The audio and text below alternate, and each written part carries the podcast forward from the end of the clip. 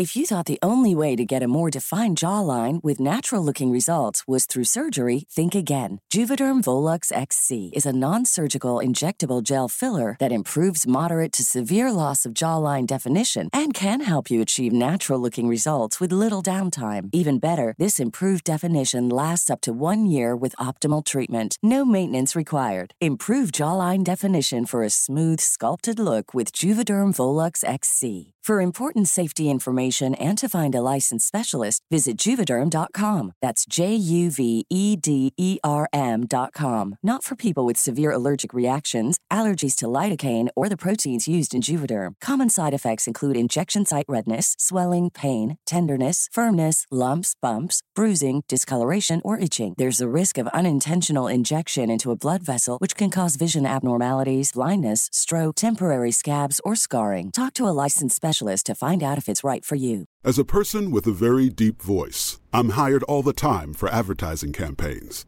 But a deep voice doesn't sell B2B, and advertising on the wrong platform doesn't sell B2B either. That's why, if you're a B2B marketer, you should use LinkedIn ads. LinkedIn has the targeting capabilities to help you reach the world's largest professional audience. That's right, over 70 million decision makers all in one place. All the big wigs and medium wigs, also small wigs who are on the path to becoming big wigs.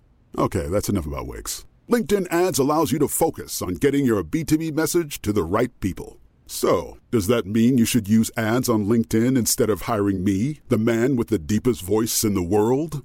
Yes. Yes, it does. Get started today and see why LinkedIn is the place to be to be. We'll even give you a $100 credit on your next campaign. Go to linkedin.com slash results to claim your credit. That's linkedin.com slash results. Terms and conditions apply. Hej och välkommen tillbaka till Storytime.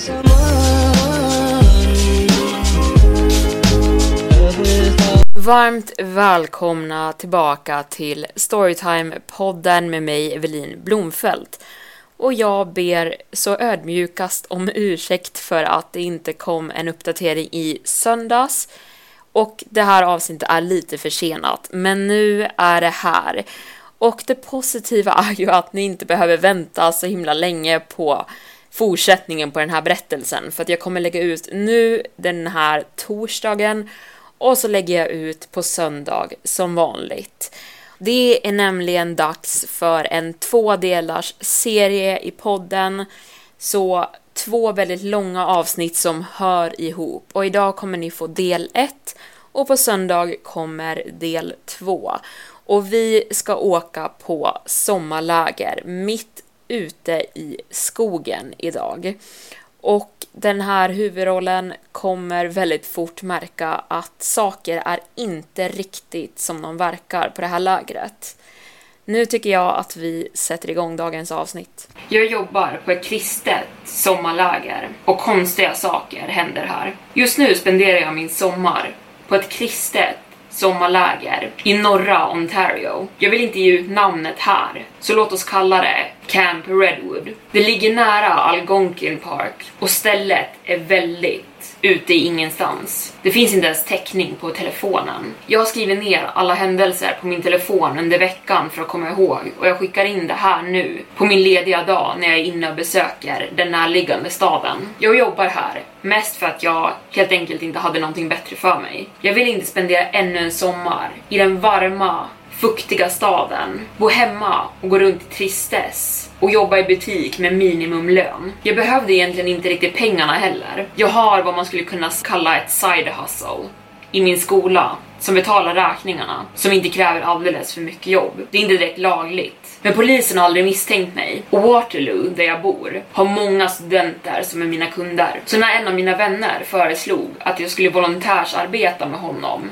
på det här lägret så tackade jag direkt ja. Jag kommer jättebra överens med barn och att vara mitt i skogen i två månader lät ganska underbart. Plus att det skulle finnas några stycken tjejer där som jag skulle kunna lära känna utan någon konkurrens. Jag ansökte och hade en kort telefonintervju blev anställd och för en vecka sedan körde jag och min kompis Jonathan upp till lägret för att börja våran veckas träning som lägerledare. Jag visste verkligen inte vad jag skulle förvänta mig förrän jag kom dit. Och det här stället har inte varit vad jag förväntade mig alls. Det är väldigt avskilt och lite gammeldags. Det är jag helt säker på. Stugorna har som tältdörrar och fönstren har bara skynken. Stugtält kallar vi dem. Och badrummen är, nåväl, väldigt nära naturen. Och herregud vad mörkt det här stället blir under nätterna. Men annars är det inte så illa. Luften är frisk och sjön som ligger vid lägret är iskall men det känns ganska underbart när man väl hoppar i. Och myggen har inte varit alldeles för aggressiva än. Det kan vara för att solen strålar så hårt under dagen och på natten sjunker temperaturen extremt lågt. Nej, det är människorna mer än någonting som verkligen har förvånat mig. Till att börja med så är de extremt religiösa. Jag menar,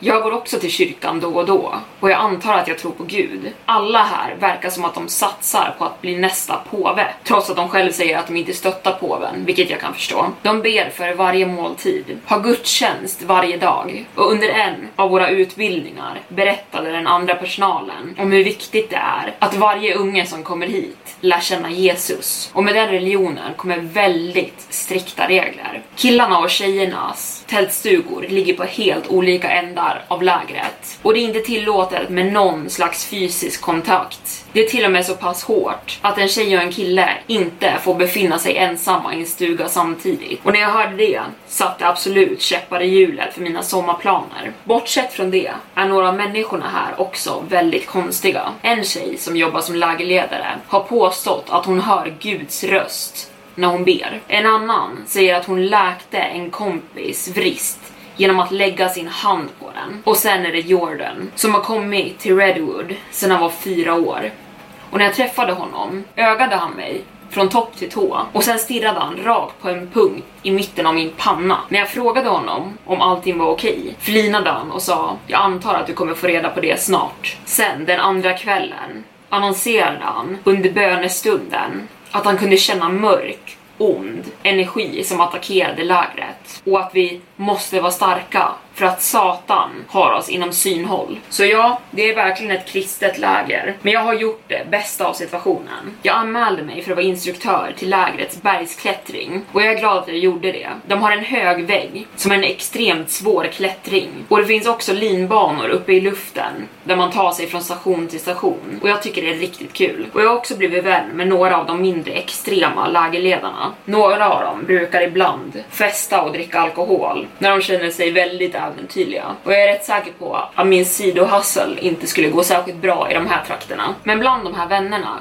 jag hade skaffat så var en av dem Kate. Hon var i min bergsklättringsgrupp. Dock kan jag inte påstå att jag gav henne mycket uppmärksamhet under de första dagarna. Men på tisdag dock satt hon precis bredvid mig under kvällens gudstjänst. Och medan Smokey, lägrets konsult, var inne i sitt 30 minuters långa tal om ondskan av homosexualitet så lutade hon sig mot mig och viskade. Verkar som hyckleri med tanke på den massiva käppen han har uppkörd i röven. Och det tog all min kraft för att inte bryta ut i ett hysteriskt skratt. Nästa dag var vi oskiljaktiga. Vi skämtade med varandra medan vi klättrade. Vi himlade med ögonen varje gång Smokey kom igång med att klaga om dagens kultur. Och vi satt bredvid varandra under alla måltider och under lägerelden på kvällen. Jag har ingen aning om varför jag inte hade märkt henne tidigare. Hon hade ett sött litet ansikte, vågigt brunt hår som såg perfekt ut till och med mitt ute i skogen och man kunde avgöra att hon hade en väldigt fin kropp genom den obligatoriska baddräkten som alla lägerledartjejer behövde ha. Onsdag kväll efter att vi hade skilts åt, efter gudstjänsten, gick jag tillbaka till min tältstuga lite lättare än jag varit tidigare. Jag kanske till och med skulle kunna flörta med Kate. Hon verkade cool nog för att inte bry sig för mycket om reglerna. Men om hon inte skulle vara villig att bryta dem så hade jag någon rolig att hänga med resten av sommaren i alla fall. Och medan jag höll på att somna så kom jag ihåg hur jag tänkte att den här sommaren faktiskt skulle kunna bli ganska bra för mig. Och det var då saker började bli konstiga. Ibland lider jag av någonting jag bara kan beskriva som vakna mardrömmar. Det finns en specifik term för det. Vi är i mitten av ingenstans och jag kan inte googla vad det faktiskt heter. Så skitsamma. Jag vaknar upp och ser och hör saker som inte finns där. Oftast är det någon som sitter i sängen med mig. Eller spindlar på alla väggar eller spöken som flyger runt i mitt rum. Det är extremt konstigt och det har skapat en del konflikter med mina tidigare roommates som jag bott med när jag gick i skolan. Men jag har lärt mig att leva med det. Onsdag natt vaknade jag upp och såg den här gigantiska, långa gestalten längst bort i mitt stugtält precis innanför dörrskynket. Den var lätt tre meter och i det dova ljuset som kom från utsidan så det såg det ut som att den hade på sig en svart kåpa som sträckte sig hela vägen ner till golvet. Jag kunde inte se ett ansikte eller några kroppsdelar, men det var någonting ondsint som utstrålades från den där saken. Jag drog upp mitt täcke runt mig själv i ren skräck och släppte ut ett andetag. Skepnaden vände sig mot mig trots att huvan täckte dens ansikte och det verkade som att den såg rakt på mig. Jag försökte säga någonting, eller ens röra mig, men jag var fastfrusen i skräck. Den där saken bevakade mig en stund innan den långsamt backade ut ur tältstugan. Och jag svär att jag hörde draperierna röra sig medan den lämnade tältet. Min paralys bröts till slut och jag hoppade ut ur sängen och sprang ut och letade efter inkräktaren. Men det fanns ingenting, bara en cirkel av tält och efter att ha dragit några djupa andetag av den kalla nattluften så skakade jag av mig känslan och övertalade mig själv om att det bara var ännu en vaken mardröm. Jag gick tillbaka in i tältstugan och la mig ner och det tog mig ett väldigt bra tag att somna om. Nästa dag spenderade jag och Kate tillsammans till den punkten att det kändes som att vi redan dejtade. Vi behövde bara göra det officiellt. Jag såg möjligheten på torsdag kväll efter en två timmars gudstjänst. Kate frågade om hon kunde prata med mig om någonting, så vi gick ner mot gräslätten som ledde bort från den stora stugan. Hon verkade nervös så jag tänkte att jag skulle bryta isen med att berätta för henne om min hallucination jag haft igår natt. Men medans jag beskrev det så saktade hon ner sin gångtakt tills hon stannade helt. Hon såg rakt på mig med vida, skräckfyllda ögon. Tror du att det var en demon? frågade hon. Hennes röst skakade nästan. Jag skrattade till och sa Nej, jag tror bara att det var en dröm. Hon fattade tag i mina händer och höll dem hårt. Du måste vara mer försiktig. Det här stället är ett slagfält för spirituella krafter. Sen släppte hon taget om min hand, vände om och gick direkt tillbaka mot tjejernas stugor och lämnade mig helt förvånad. Jag skulle ha jagat efter henne, men det skulle ha brutit mot lägrets regler. Nästa dag betedde sig Kate som en helt annan person och under våran sista lägerledarskurs satte hon sig så långt bort från mig som hon bara kunde och gav mig korta, bryska svar. Och vid slutet av den dagen så skulle vi ha vårat firande för att vi hade avslutat våran träning och vi alla fick egna t-shirts med våra namn och titeln lägerledare. Hon gav alla en hård kram med mig klappade hon bara på axeln. Sen höll hon sig omringad av de andra lägerledarna så att jag inte kunde fråga henne varför hon var så distant. Jag hade inte en enda chans att prata med henne ensam på det sättet vi hade haft tusentals gånger under, den, under veckan som gått. Och vid laget, dagen var slut, drev det mig till vansinne. Jag kommer ihåg när hon hade fattat tag i mina händer och trots att jag tänkte att första gången vi höll händer skulle vara lite mer romantiskt en skräckfylld och att hon skulle tala om att hon var orolig för demoner och spirituella slagfält verkade så okaraktäristiskt av henne. En av sakerna jag verkligen hade tyckt om med henne var att hon inte verkade lika extrem som de andra lägerledarna. Men hennes reaktion till min dröm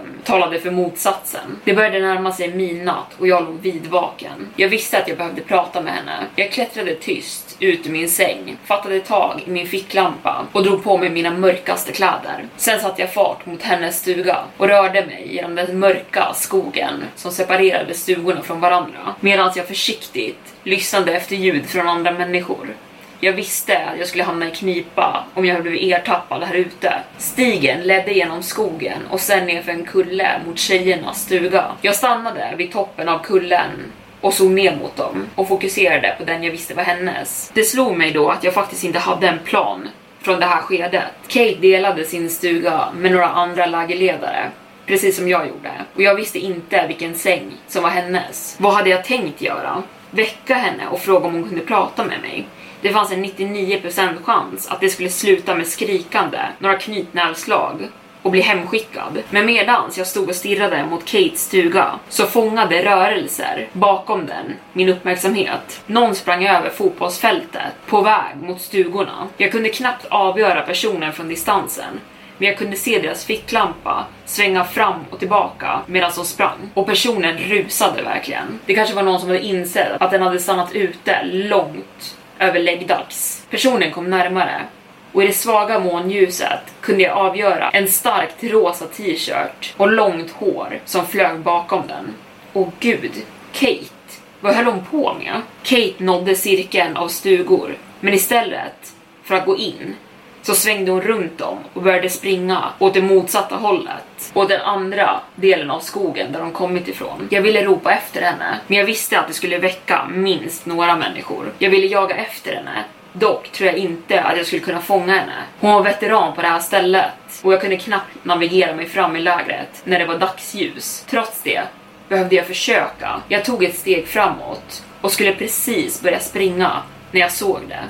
Eller jag tror jag såg det. Det var en annan skepnad som rörde sig över fotbollsfältet mot stugorna. Den här var helt svart och jag var tvungen att kisa för jag var inte säker på att jag faktiskt såg vad jag trodde. Eller om det var mina ögon som spelade mig ett spratt igen. Skepnaden, som jag såg den, följde precis efter Kates väg, runt stugorna och sen mot skogsingången där hon försvunnit. Vad i hela friden fann jag mig själv säga och föll ner på det svala gräset och försökte förstå vad jag just hade bevittnat. Och en stund funderade jag på om jag faktiskt drömde. Varför sprang Kate? Vart var hon på väg? Och såg jag verkligen någonting jaga efter henne? Då hörde jag ett hjärtskärande skrik som kom från skogen som bröt mig ur min trans. Jag hoppade upp och var ännu en gång nära på att börja springa in i skogen när flera av lamporna tändes i stugorna runt om. Shit, de får inte se mig. Jag svängde om och sprang tillbaka genom skogen till min stuga. Jag kravlade snabbt ner i min sovsäck och till slut somnade jag. Och det var igår natt. Den här morgonen kom inte Kate till frukosten och när jag frågade resten av personalen vart hon var så sa de att hon inte mådde bra och hade behövt åka hem. De som delade stuga med henne och våra andra bergsklättrarkollegor sa exakt samma sak. Alla bara upprepade frasen hon mår inte bra och sa åt mig att inte oroa mig mer för det när jag försökte få fram vad som hade hänt. Och det är där jag står just nu. Barnen som ska bo på lägret kommer imorgon och då startar officiellt den första veckan på lägret. Jag är taggad för att träffa pojkarna som ska bo i min stuga. Och när jag får chansen så ska jag utforska skogen som ligger, som ligger på andra sidan där tjejernas stuga ligger och se om jag kan hitta någonting som förklarar Kates försvinnande. Men jag tänker säga det här dock. Jag är osäker över Gud och jag tror inte på demoner. Men som jag sa, det är någonting väldigt konstigt som händer på Camp Redwood. På söndagen så kom barnen. Jag försökte fortfarande begripa vad som hade hänt, eller vad jag trodde hade hänt med Kate. Trots de nonchalanta, platta svaren jag fick från alla andra. Jag fortsatte fråga alla jag kunde om någon visste någonting, men de gav mig alla samma svar. Och flera visste inte ens vad jag pratade om till att börja med. Men de som gjorde det fortsatte repetera samma mening att hon inte mådde bra. Och varje gång jag frågade vad det betöd så möttes jag bara av en vägg. På söndag kväll, med dans, avgudarbandet, som jag kallade det, fem stycken killar som spelade kristen musik, sjöng bibelverser, så drog Jonathan mig åt sidan. Du måste sluta fråga runt om Kate sa han. Hans ton var låg och hård, nästan hotfull. Jag blev chockad. Jag hade känt den här killen i flera år och jag hade kommit upp hit med honom. Och nu bad han mig sluta kolla in i någonting som var extremt misstänkt och en försvunnen person. Jag började argumentera emot, men han avbröt mig. Jag är seriös. Kolla inte längre in i det här. Hans ögonbryn reser sig medan han gav mig en blick. Den sortens blick man ger någon när man subtilt försöker antyda någonting. Bara släpp det. Sen log han lite grann och gick tillbaka till stugan där de andra kamparna och bandet spelade. Jag stannade ute i några minuter till och försökte förstå vad som just hade hänt. Jag hade inte ens frågat Jonathan om Kate och ändå hade han vetat. Så tydligen hade ryktet spritt sig och det sista jag ville göra var att sprida dålig stämning en vecka in i den här åtta veckors perioden. Så jag gjorde som min vän sa och slutade ställa frågor. Det fanns ändå ett annat sätt jag kunde undersöka Kates försvinnande på. Sätt som förhoppningsvis inte skulle vara lika frustrerande som att fråga de här tonåringarna om hjälp. På tisdag morgon, när alla stugor radade upp sig för att gå till frukosten, märkte jag en grupp av tjejer som stod och grät. Deras lägerledare försökte lugna ner dem, men de verkade helt förtvivlade med bleka ansikten och vida skräckfyllda ögon. Jag tänkte inte så mycket mer på det där. Det kanske bara var någon som hade skadat sig eller någon som hade drabbats av hemlängtan. Men den kvällen, efter en lång lägereld fylld av berättelser och sång, så blev alla manliga lägerledare ombedda att stanna kvar vid elden medan de andra leddes till sina stugor. När vi väl var ensamma så ställde sig Donald upp som var chef över lägerledarna och bad oss samlas runt om honom och i eldens döende flammor kunde vi se ilskan i hans ansikte. Jag vet jag har sagt det här förut. Uppenbarligen behöver det repeteras. Ni får absolut inte pranka tjejerna och det innefattar både de som är här för lägret personalen eller några av deras tillbehörigheter. Jag såg mig om på de andra lagledarna och om de var lika förvirrade som jag var så visade de det inte.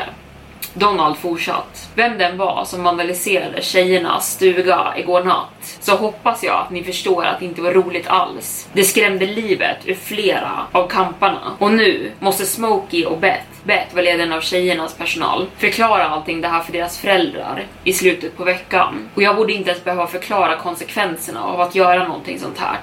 Jag förväntar mig bättre av alla er. Sen lät han oss gå och när vi gick tillbaka till våra stugor gled jag upp bredvid några av de andra lägerledarna och frågade om de visste vad Donald pratade om. Ja, tydligen hade någon klöst på väggarna av tjejernas stuga igår natt sa en av dem. Och nu i morse hittade de konstiga klomärken som var inbrända i trät. Och Donald tror att någon av oss gjorde det. Han har fel också, sa Jordan. Höga gälla läten och brännmärken i väggen mitt i natten är inte ett prank. Det visar att den spirituella striden nu har blivit fysisk. Det var en mixad reaktion från de andra killarna. Vi måste alla gå tillbaka till våra stugor och be för alla i det här lägret. Fienden vill att barnen ska bli rädda och distraheras från Jesus kärlek. Jag ville inflika med att kanske att nämna Satan och spirituellt krig skulle göra dem ännu räddare. Jag bet mig i tungan. Jag gick tillbaka till min stuga och fick barnen i säng. Sen pratade vi alla en stund om deras familjer och vad de tyckte om att göra på fritiden och till slut deras favorit-TikToks. Ända tills de somnade. Nästkommande dag efter att ha misslyckats med att få ett barn att klättra över ziplinen så hade jag ledigt i några timmar. Medan resten av lägret hade massiv fånga flaggan tävling som jag inte skulle vara med i. Jag vilade i min säng i en och en halv timme och skrev ner den här texten som ni just nu läser. Så bestämde jag mig för att fortsätta undersöka allting med Kate. Jag gick över till tjejernas stuga och följde samma stig som jag gått tidigare när jag var på väg dit. Det var mycket lättare att navigera sig i skogen i dagsljus och när jag inte var bekymrad över att bli sedd. Men när jag lämnade trälinjen och fick en klar syn över stugorna så frös jag till. Jag hade stått på just den här punkten när jag sett Kate springa från någonting. Jag suckade. Jag borde ha jagat efter henne. Eller åtminstone ropat på henne. Jag hade varit en fegis och låtit min rädsla för att bli upptäckt styra mitt beslut. Nej, nu fanns det inte tid för att stå här och ångra sig. Jag skakade av mig de dåliga minnena och gick ner för stigen som ledde mot deras stugor. Det tog inte mig lång tid att hitta klösmärkena som den där killen hade nämnt. Men att kalla dem för klösmärken var en underdrift. Det såg ut som att en stor örns klor hade grävt ner i trät men någonting mycket större än en örn dock. Det var fyra stycken märken och de hade verkligen brunnit ner i trät flera centimeter. Jag strök över märkena med min tumme, men ingenting lossnade. Om det här var ett prank så var det väldigt imponerande. De här sakerna var verkligen inbrända och efter en snabb genomgång kunde jag konstatera att tre av tjejernas stugor hade samma märken på sig. Alla på höger sida om ingången och i en av de här stugorna hade Kate bott. Var det slumpen? Det måste det varit. Jag menar, det här måste ju bara varit ett prank, eller hur? Medan jag stod och stirrade på den förkolnade symbolen så öppnades en av tältens ingångar och en sömndrucken tjej klev ut och stirrade på mig. Vad gör du här? frågade hon i en hes röst. Åh, oh, förlåt, sa jag. Jag skulle bara lämna några klätterselar. Inte en dålig lögn. Hon gav mig en fundersam blick, sen gick hon tillbaka in i sin stuga. Jag tog det som ett tecken på att dra därifrån nu, men jag hade fortfarande mer undersökning att göra. Jag lämnade tjejernas stuga och gick västerut, in i skogen. Jag följde samma stig som jag hade sett Kate springa in på. Det fanns bara en stig genom träden och den var smal och igenväxt. Snabbt befann jag mig omringad av stora stora gröna buskar, oförmögen att se mer än några meter framför mig. Jag försökte räkna ut i mitt huvud. Jag hade sett Kate springa in i skogen och sen hört henne skrika ungefär 30 sekunder senare. Och i mörkret med bara en ficklampa som väglett henne så måste hon bara kunna sett några centimeter framför sig. Jag räknade ungefär 60 steg och sen stannade jag upp. Men min omgivning hade inte förändrats. Det var fortfarande bara löv och grenar. Jag hukade mig ner och letade efter fotavtryck. Men marken var torr och hård och avslöjade ingenting. Jag reste min egen fot och stampade ner den i marken, men den lämnade inget avtryck. Jag skulle inte blivit en bra spårare, tänkte jag för mig själv. Jag skulle precis ställa mig upp när jag fick syn på en fläck av rött på en sten precis framför mig. Det tog mig inte länge att inse vad det var. Jag fattade tag i en pinne och skrapade på det. Det skrapades av lätt. Blodet var färskt. Mitt hjärta hoppade över ett slag och jag hade äntligen en ledtråd. Den värsta sortens. Jag ställde mig upp och började se mig om för mer och det var inte svårt att hitta. Det fanns flera fläckar av blod på löven runt om och jag började följa stigen igen och märkte hur blodfläckarna blev större och större desto längre jag gick. Vanligtvis har jag svårt att hantera åsynen av blod och just nu kändes det som att min mage skulle explodera av situationen jag befann mig i. Jag var upptagen med att leta efter blodfläckar att jag knappt märkte att stigen tog slut och jag kom ut på en liten öppning i skogen och det såg ut som att det var någon slags soptipp i mitten av öppningen. Solljuset träffade återigen mitt ansikte när träden blev glesare och jag stannade upp och tog några djupa andetag. Sen gick jag fram mot vad som såg ut att vara en sop. Det var inte skräp. Det var kvarlevorna efter en byggnad som såg ut att ha brunnit ner för länge sedan. Delar av grunden på huset, nu förkolnade och förvridna åt olika håll, stod kvar i marken med bitar av trä och sten som fortfarande höll fast vid pelarna. Jag gick sakta runt om den och letade efter ännu mer tecken på blod. Men det fanns ingenting runt den här gamla byggnaden. Däremot så gav det ifrån sig en stank som jag vagt kände igen. Det kändes som att den osade upp från marken och den blev starkare desto närmre jag gick byggnaden. Men jag kunde inte kliva in bland vraket.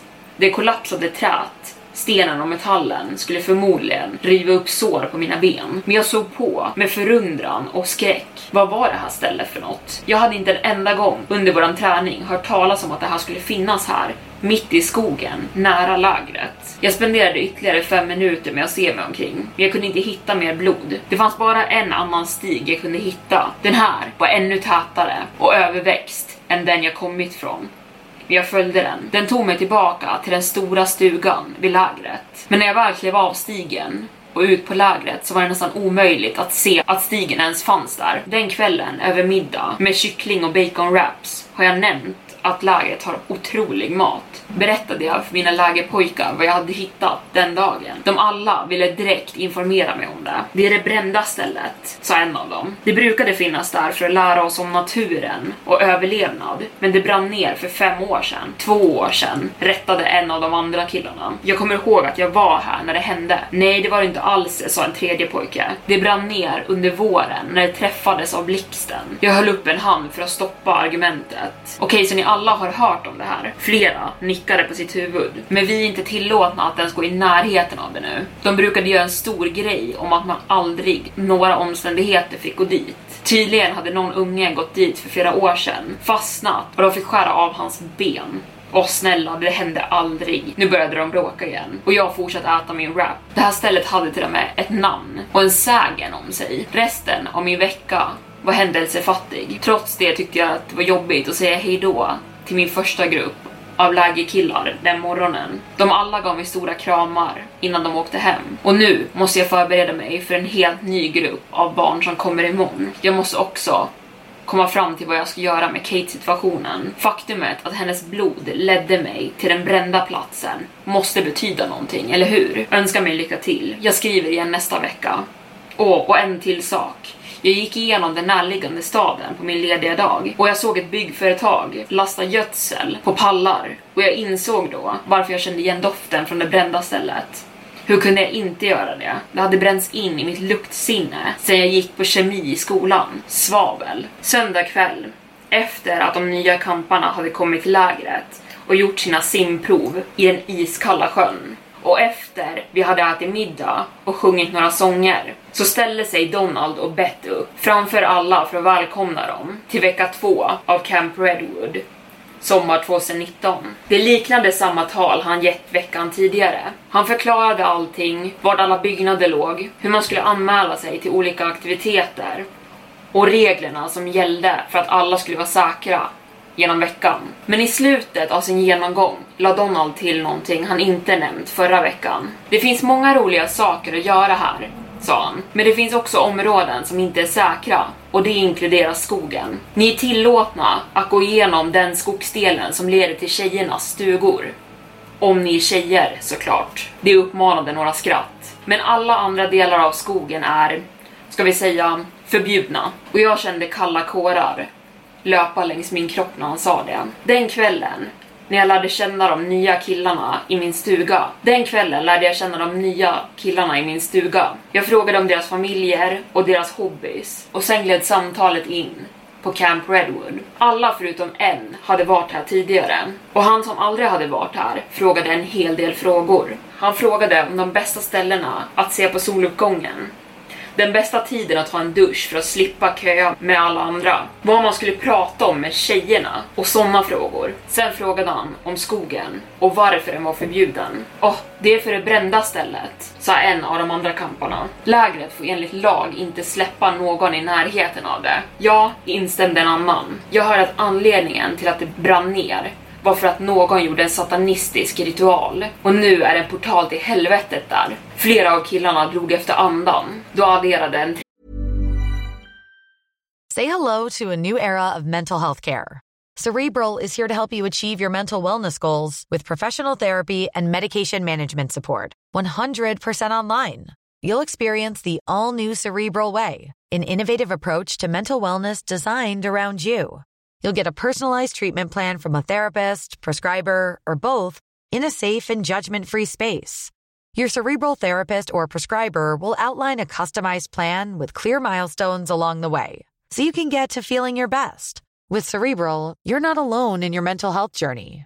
We're here to empower you to live a fulfilling life.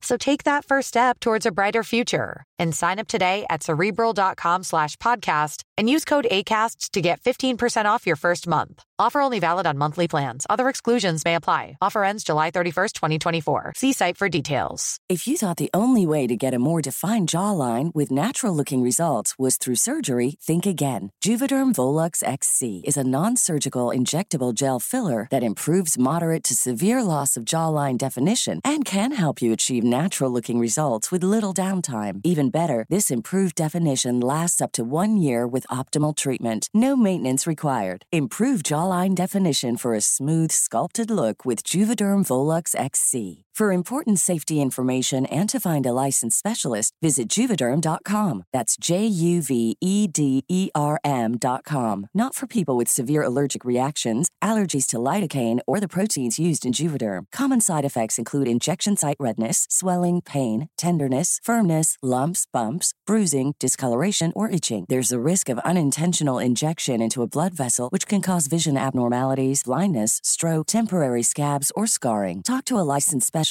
to find out if it's right for you. As a person with a very deep voice, I'm hired all the time for advertising campaigns. But a deep voice doesn't sell B2B, and advertising on the wrong platform doesn't sell B2B either. That's why, if you're a B2B marketer, you should use LinkedIn ads. LinkedIn has the targeting capabilities to help you reach the world's largest professional audience.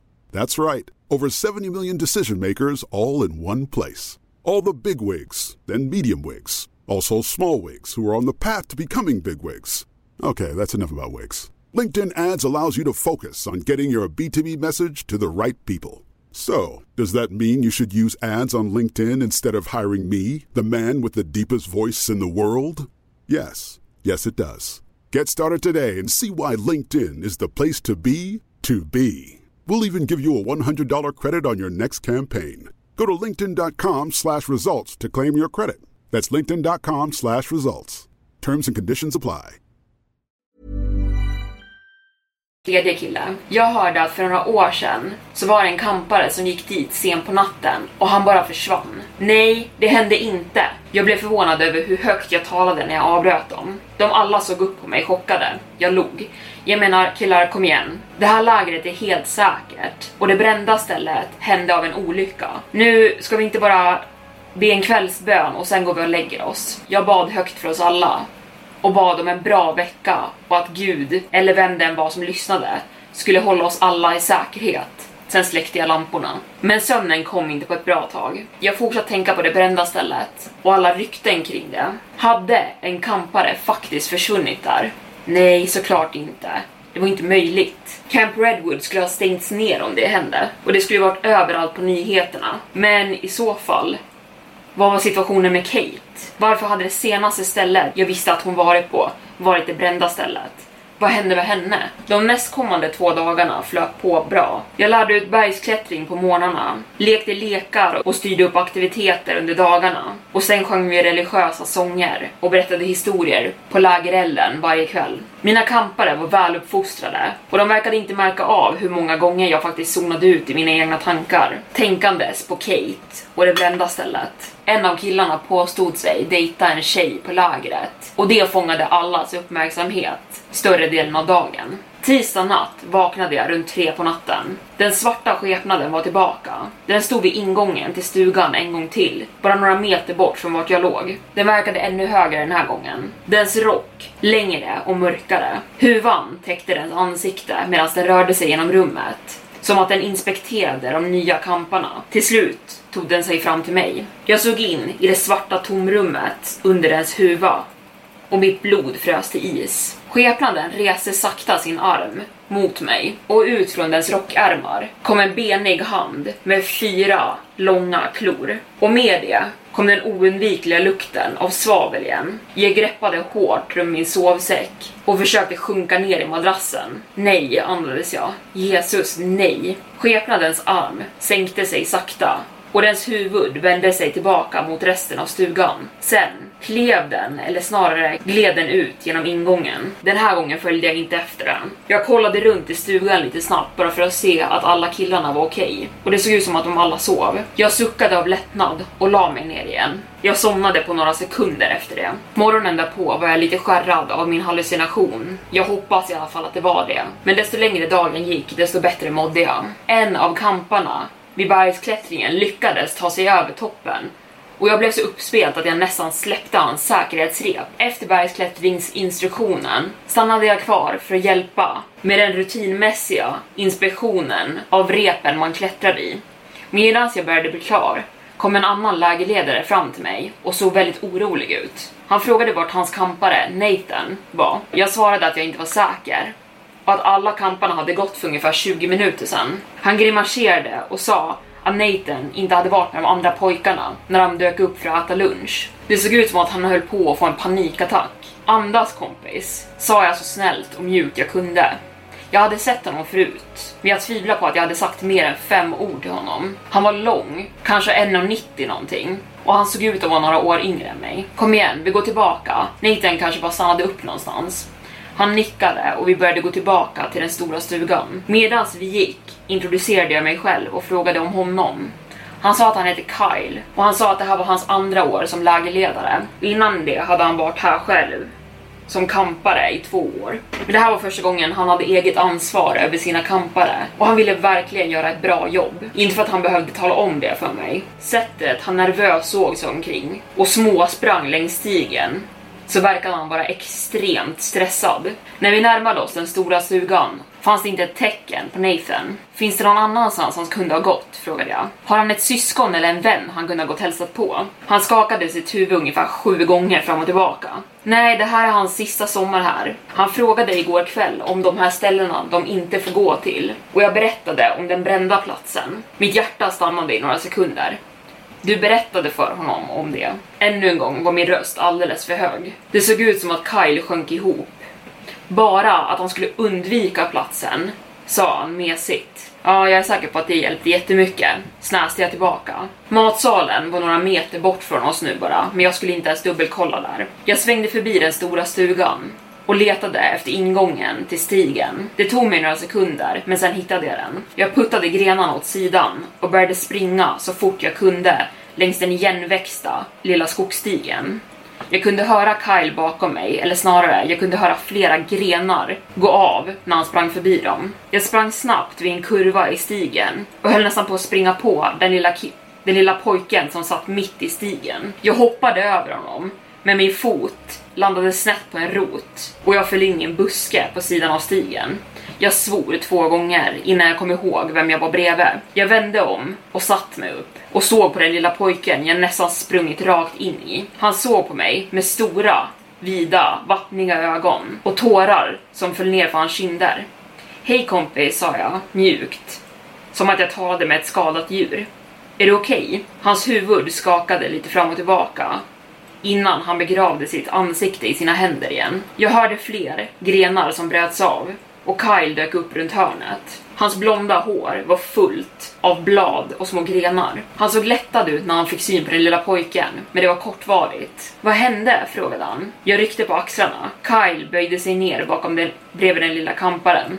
Hej Nathan, vad gör du här? Nathan sa ingenting, men jag kunde höra hans snyftningar begravda i hans händer. Jag ställde mig upp och dammade av mig själv. Medan jag kollade om jag hade fått några skrapsår eller om jag blödde kände jag den där bekanta lukten igen. Svavel. Jag såg hur Kyle reagerade på lukten samtidigt som jag och hans ögon blev vida. Jag visade menande med mitt huvud mot den stora stugan. Vi behöver dra härifrån nu. Kyle sträckte sig ner för att hjälpa Nathan upp, men pojken bara ryggade bakåt. Nate, vi behöver dra härifrån nu. Nate, vi behöver gå nu, sa Kyle medan hans röst nästan krackelerade. Vi, uh, det är dags för lunch och vi kan inte vara sena till det, eller hur? En gren gick av bakom mig in i skogen och vi båda hoppade till. Jag såg mig omkring oss, men jag såg ingenting. Var det vinden? Ett djur? Jag ville verkligen inte få reda på vilket. Nathan, vi måste gå, sa jag och försökte att dölja rädslan i min egen röst. Alla kommer undra vart du är. Hans sniffningar blev bara mer högljudda. Okej då, jag sträckte mig ner och lyfte upp honom och började bära honom längs stigen. Han skrek och sprattlade omkring, men jag lyckades få tag i hans fötter så att han inte kunde sparka mig. Kai gick framför oss och puttade bort alla grenar från stigen och lukten av svavel tonade sakta ut och så fort matsalen var inom synhåll kände jag bara lukten av varma mackor istället. Jag ställde ner Nathan. Han kollapsade direkt på marken och fortsatte gråta. Kyle frågade en gång till vad som hade hänt honom. Men pojken sa ingenting. Kyle såg tillbaka upp på mig. Hans ögon började nu fyllas av tårar. Stackars kille. Det här är förmodligen inte vad han trodde det skulle vara att vara en lägerledare. Hej! Hörde vi Donald ropa medan han kom joggandes från andra sidan stugan. Åh tack gud, där är ni ju. Han stannade upp och såg ner på Nathan, sen på oss som att han ville ha en förklaring. Jag förklarade snabbt vad som hade hänt och vart vi hade hittat honom. Jag nämnde inte någonting om att det luktade svavel, varför Nathan hade gått ut för att utforska det brända stället överhuvudtaget. Donald nickade, sen hukade han sig ner på marken. Hej Nate, sa mjukt. Kan du se upp på mig en stund? Pojkens huvud lyftes och han såg upp på killarnas lägerledare och Donald fortsatt. Jag undrade bara om du kunde hjälpa mig. Jag har flera isglassar i min stuga och jag har inte tillräckligt med rum i frysen för dem. Kan du komma och hjälpa mig att äta upp en eller två innan de smälter? Ett litet leende spred sig över pojkens ansikte och han nickade försiktigt. Perfekt, sa Donald. Han sträckte ut sin hand mot Nathan och hjälpte pojken upp på fötter. Han vände sig om mot mig och Kyle. Gå och var med resten av era stugor, jag pratar med er senare. Medan han höll i Nathans hand gick han iväg mot sin stuga och Kyle och jag gick iväg mot matsalen. Där det som tur var fanns kvar mat för oss båda. Mina kampare frågade vart jag hade varit och jag berättade bara att det hade tagit länge för mig att inspektera repen. Jag såg varken Nathan eller Donald resten av eftermiddagen. Men när det var middagsdags såg jag Nathan sitta vid bordet med Kylie igen och Donald vid personalbordet. Efter att alla hade ätit upp gick jag över till ledarnas bord och frågade hur det var med Nathan. Det är lugnt med honom nu, sa Donald. Någonting skakade upp honom ordentligt. Men det är fantastiskt vad lite socker kan göra för att trösta ett barn. Han såg sig om axeln bara för att se till att ingen satt och lyssnade på oss. Och sen sa han, så du hittade honom på den där stigen? Jag nickade. Han kisade lite med ögonen. Och hur visste du att du skulle leta där? Kyle sa att han hade frågat om det brända stället, sa jag. Och jag tänkte att det skulle vara ett bra ställe att börja leta på. Donald suckade. Jag tyckte att jag var tydlig med att det stället var förbjudet. Sen pekade han på mig. Och det inkluderar för personalen. Förstår du? Sen sänkte han fingret. Nej, förlåt. Jag borde inte bli arg på dig. Tack för att du hittade honom. Det har bara alltid gått så mycket rykten och historier om den platsen vilket leder till att ungarna blir nyfikna och går dit. Jag är bara glad att det hände under dagen. Han gav mig en duns på ryggen. Nåväl, tack igen. Det är lugnt, svarade jag.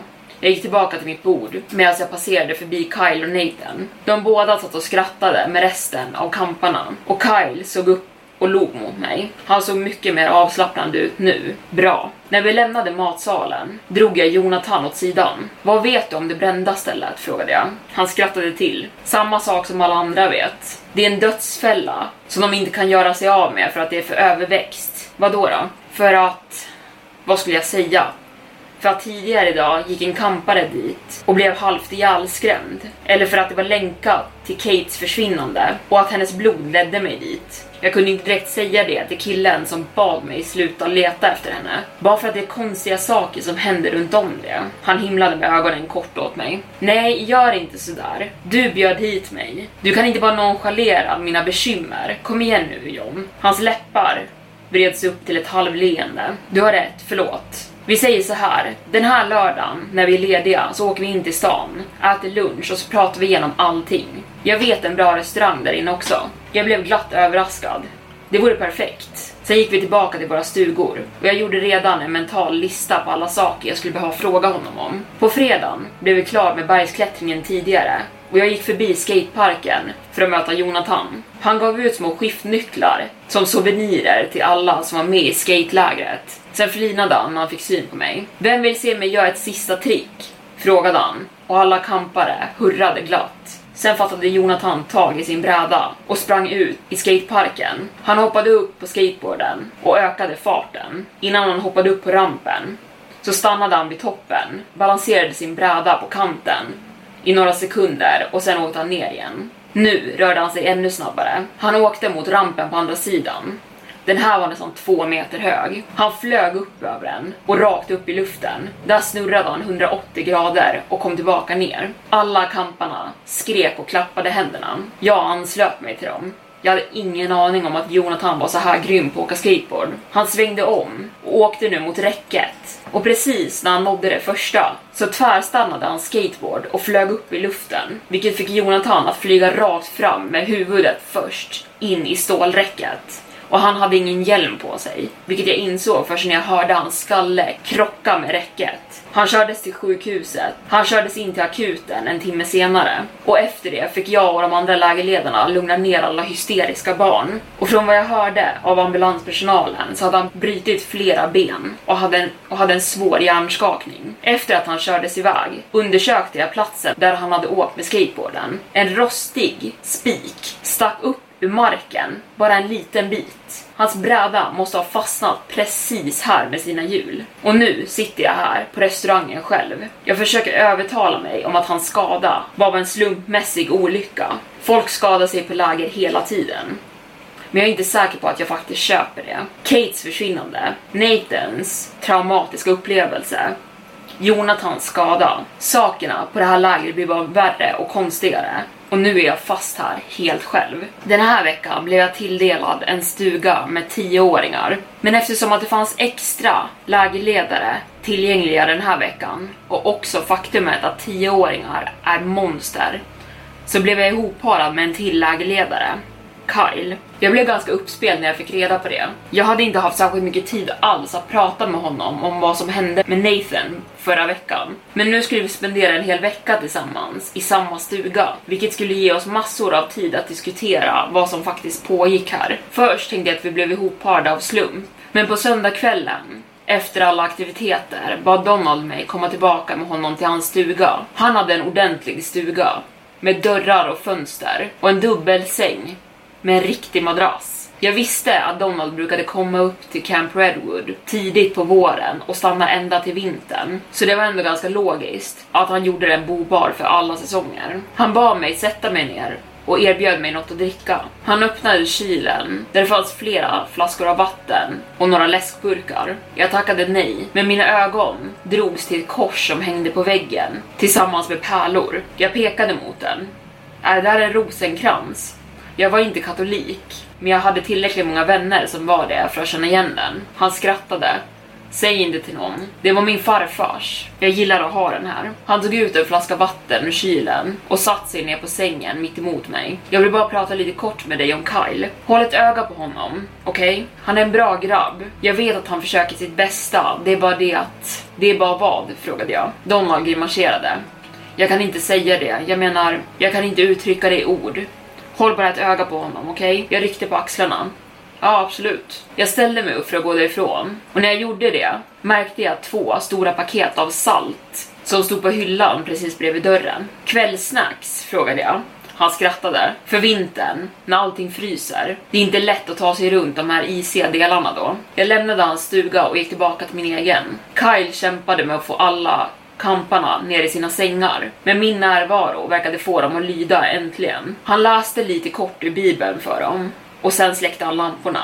Men sömnen kom inte enkelt för någon i stugan. Pojkarna var nästan uppe till midnatt och pratade om Minecraft och Fortnite. Och när jag väl somnade så kom morgonen alldeles för fort. Och trots att jag och Kyle nu bodde några meter ifrån varandra hade jag inte haft en enda stund att prata ensam med honom om vad som hände på det här lägret. Vi lärde ut olika aktiviteter under dagarna och på kvällarna så var det minst en kampare i stugan med oss. Inte direkt en passande stund att berätta att någonting hade traumatiserat en kille förra veckan, men jag kunde avgöra att Kyle hade någonting han ville säga till mig. Vid måltiderna och i stugan fångade jag honom sitta och stirra på mig ibland och såg smått bekymrad ut. Vad visste han? Och hur kunde vi använda det för att ta reda på vad som hände här? Äntligen, på tisdag kväll, så hade mina tioåriga kampare dränerat sin energi och somnade halv tio på kvällen. Jag höll på med min telefon och skrev ner det ni just nu läser, när Kyle snabbt klev upp ur sin säng och satte sig på min sängkant. Vi kallpratade lite om hur veckan hade gått och vilken kampare som luktade värst. Gavin, uppenbarligen, innan vi pratade om det vi egentligen borde. Och jag frågade honom vad Nathan hade sagt efter att Donald hade lugnat ner honom. Ingenting, sa Kyle. Och det var svårt att avgöra från hans röst om han tyckte det var en bra eller dålig sak. Jag frågade honom flera gånger om vad han hade sett. Och han fortsatte bara säga att han gick vilse och att han blev rädd för att han inte ville bli ertappad inne i skogen. Det var en relativt bra förklaring. Jag såg mig runt i stugan på de sovande pojkarna. I den där åldern kan fantasin löpa amok. Det kanske var det som hände, men jag tror inte på det. Fortsatt Kyle. Det är någonting konstigt som pågår här. Någonting övernaturligt. Han pausade. Tror du på demoner? Jag var inte säker. Förmodligen inte. Det behövde finnas en rationell förklaring till vad som hade hänt. Men en tjej jag gillade hade försvunnit utan minsta spår och det hade rykt av svavel. Och nu hade jag äntligen hittat någon som ville undersöka med mig. Jag nickade och kom på att han kanske inte kunde se mitt ansikte i mörkret så jag sa ja, självklart. Då måste vi ta oss tillbaka till den brända platsen, sa Kyle, och faktiskt kolla hur det ser ut och vad som händer. Leta efter ledtrådar eller någonting. Eller tecken på något demoniskt. Visst, men när? Vi kan inte gå dit under dagen, någon kan se oss. Jag misstänkte att Donald hade extra koll på både mig och Kyle efter att vi hade varit på stigen. Så vi går på natten, sa Kyle. Vi tar med oss ficklampor och ingen kommer märka att vi är borta ens. Vi gör det imorgon. Jag var inte säker på vad en nattur till det brända stället skulle åstadkomma. Men om det skulle lugna ner Kyle så var jag villig att testa. Jag gick med på det. Och nästa kväll gjorde vi en stor grej för våra kampare om hur trötta vi var medan vi gjorde oss ordning för att gå och lägga oss. Jag somnade ändå ganska snabbt och det kändes som bara några minuter senare som Kyle ruskade liv i mig. Vad är klockan? frågade jag groggy. Jag hade satt ett alarm på klockan tre. Den är halv tre, svarade han. Han lät fullvaken och med tanke på hur nervig han verkade så misstänkte jag att han inte hade sovit alls. Kom igen, vi drar. Jag bytte om till mina mörkaste kläder samma kläder jag hade haft för två veckor sedan när jag skulle gå och träffa Kate.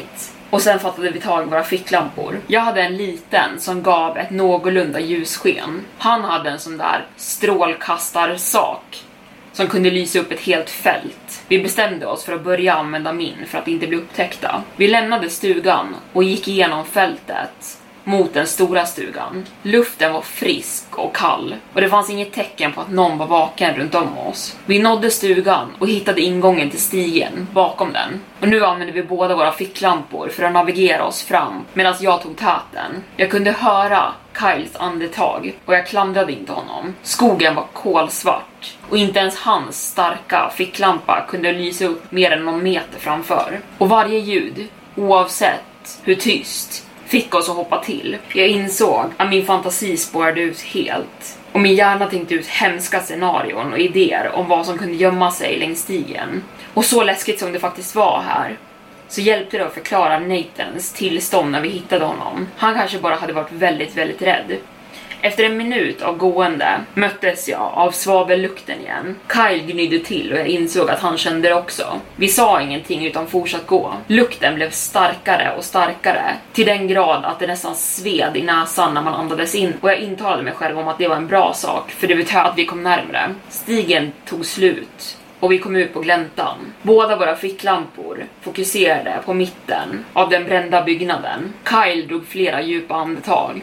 Jag försökte, men mina lungor lät mig bara ta ytliga, snabba. Jag kunde känna mitt hjärta banka i min bröstkorg. Jag var faktiskt rädd. Jag skakade mitt huvud och försökte putta undan tankarna. Det var mörkret. Det lekte med mitt huvud. Vi rörde oss runt vraket och gick åt olika ändar. Jag var inte säker på vad vi faktiskt letade efter. Jag hade inte hittat någonting när jag var här för två veckor sedan. Men jag intalade mig själv om att det här skulle vara bra för Kyle. Kanske om vi inte hittar någonting här så kunde han lägga undan sina rädslor. Åh gud.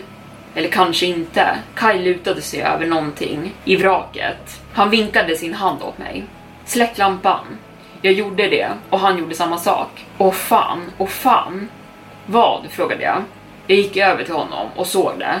Och jag tappade andan, som att någon hade slått mig i magen. Jag slöt mina ögon och öppnade dem igen, bara för att vara säker på att jag faktiskt såg vad jag trodde.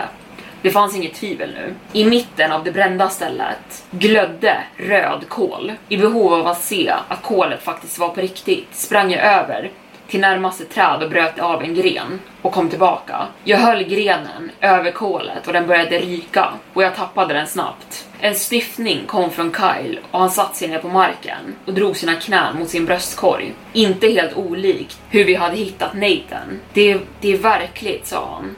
Det är en demon här och det är mitt fel. Allt är mitt fel. Wow, wow, wow, sa jag jag satt mig ner bredvid honom, mitt emot hans ben, så att jag kunde se direkt på honom. Vi vet inte ens att det finns en Noval demon, och även om det gör det så är det inte på grund av dig. Jo, det är det, sa han medan han reste sitt huvud och tårar flödade ner från hans kinder. Jag tog hit den. Jag borde ha hållit mig borta och gud, förlåt. Jag la benen under mig så att jag satt mig på knäna och la mina händer på hans axlar och såg honom rätt in i ögonen. Kai, lyssna på mig. Du hade ingenting med det här att göra. Vi ska ta reda på vad som har orsakat det här, men det måste finnas en logisk... Sen kysste han mig. Han satte sig upp och pressade sina läppar mot mig och kysste mig. Och ärligt talat var min första tanke, och jäklar, nu kommer vi verkligen bli utsparkade från lägret. Men efter förvåningen la sig, drog jag sakta undan mitt huvud och puttade undan han lite lätt medan jag fortfarande höll mina händer på hans axlar. En miljon tankar fyllde mitt huvud, men till mesta del var det en stor sympati för den här killen. Förlåt mig, hans röst var knappt en viskning. Jag borde inte ha gjort det där. Nej, nej, det är okej. Okay. Jag menar, jag var inte intresserad av honom, men det var inte en stor grej för mig. Jag kommer inte berätta för någon eller något. Allt är mitt fel, sa han igen.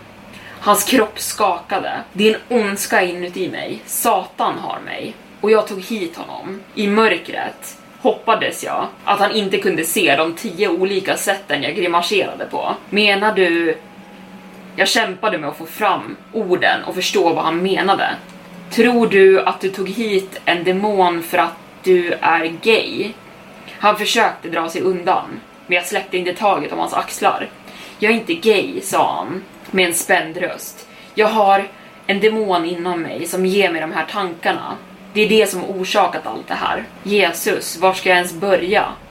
Det är inget fel med dig, sa jag. Oavsett om du är gay eller bi eller skitsamma, det är inte därför eller på grund av en demon. Min näsa upptäckte nu någonting annat än svavel, någonting mycket mer familjärt. Rök. Jag släppte taget om Kyle och ställde mig upp. Och bortom den mörka skogen kunde jag se, kunde jag se ljus från tjejernas stugor. Jag tände min ficklampa och sprang in i skogen. Jag revs av flera grenar mot mitt ansikte, men av den rena paniken och rädslan kände jag det knappt. Jag skenade ut ur skogen och min rädsla blev bekräftad. En av tjejernas stugor stod i lågor. Plastskinkorna som täckte deras fönster och utgångar brann för fullt med orangea stora flammor. Och ännu värre, ingen verkade ha märkt det. Jag sprang ner från kullen mot flammorna medan jag skrek. Det brinner så högt jag bara kunde och efter några sekunder började lampor tändas i stugorna. Sen började flera skrik eka i natten. Jag tog mig fram till stugan och kände hettan från flammorna medan jag skrek Håll er lugna, vi kommer få ut er därifrån. Det måste finnas en brandsläckare någonstans i närheten.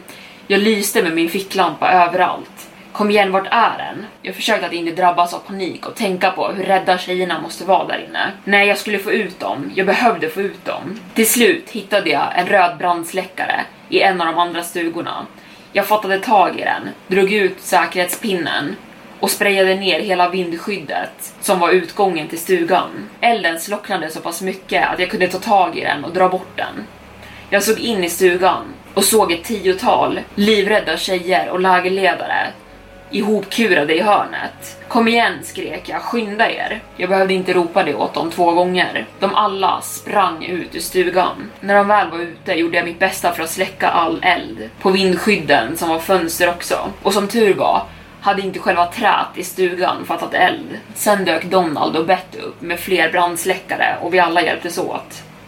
Bett försökte lugna ner kamparna och Donald tog mig åt sidan. Han frågade vad som hade hänt och med ett allvar i rösten frågade han vad jag gjorde där till att börja med. Med tanke på att jag inte hade sett Kyle sen jag kom ut från skogen tänkte jag att det var lugnt att ljuga. Jag sa att jag hade klivit upp mitt i natten för att gå och kissa och jag hade känt röklukten. Sprungit ner hit för att kolla vad som hände. Donald verkade köpa min historia, men han fortsatte att öga mina kläder som var kolsvarta. Till slut gick jag tillbaka till min stuga och Kyle låg redan i sin säng vänd mot väggen.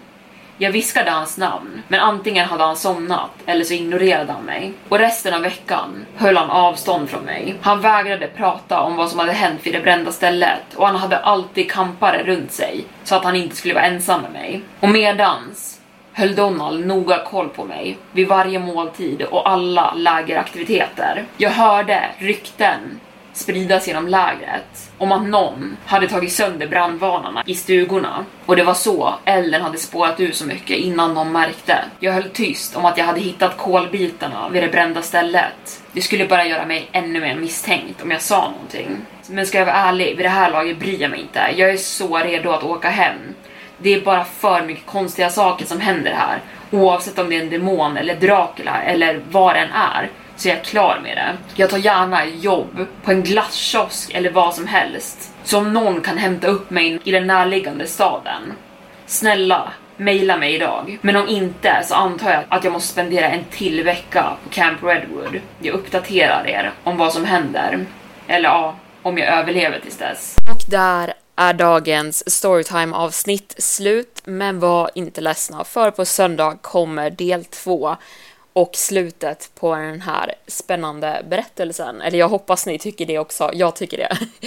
Eh, glöm inte bort att följa podden där ni lyssnar på den så att ni får upp notiser när jag lägger upp avsnitt, men det är vanligtvis söndagar det händer. Jag vill tacka för att ni har lyssnat idag. Vi hörs nästa gång. Hej då! Head over to Hulu this March, where our new shows and movies will keep you streaming all month long. Catch the acclaimed movie All of Us Strangers, starring Paul Mescal and Andrew Scott. Stream the new Hulu original limited series We Were the Lucky Ones with Joey King and Logan Lerman. And don't forget about Grey's Anatomy. Every Grey's episode ever is now streaming on Hulu. So, what are you waiting for? Go stream something new on Hulu.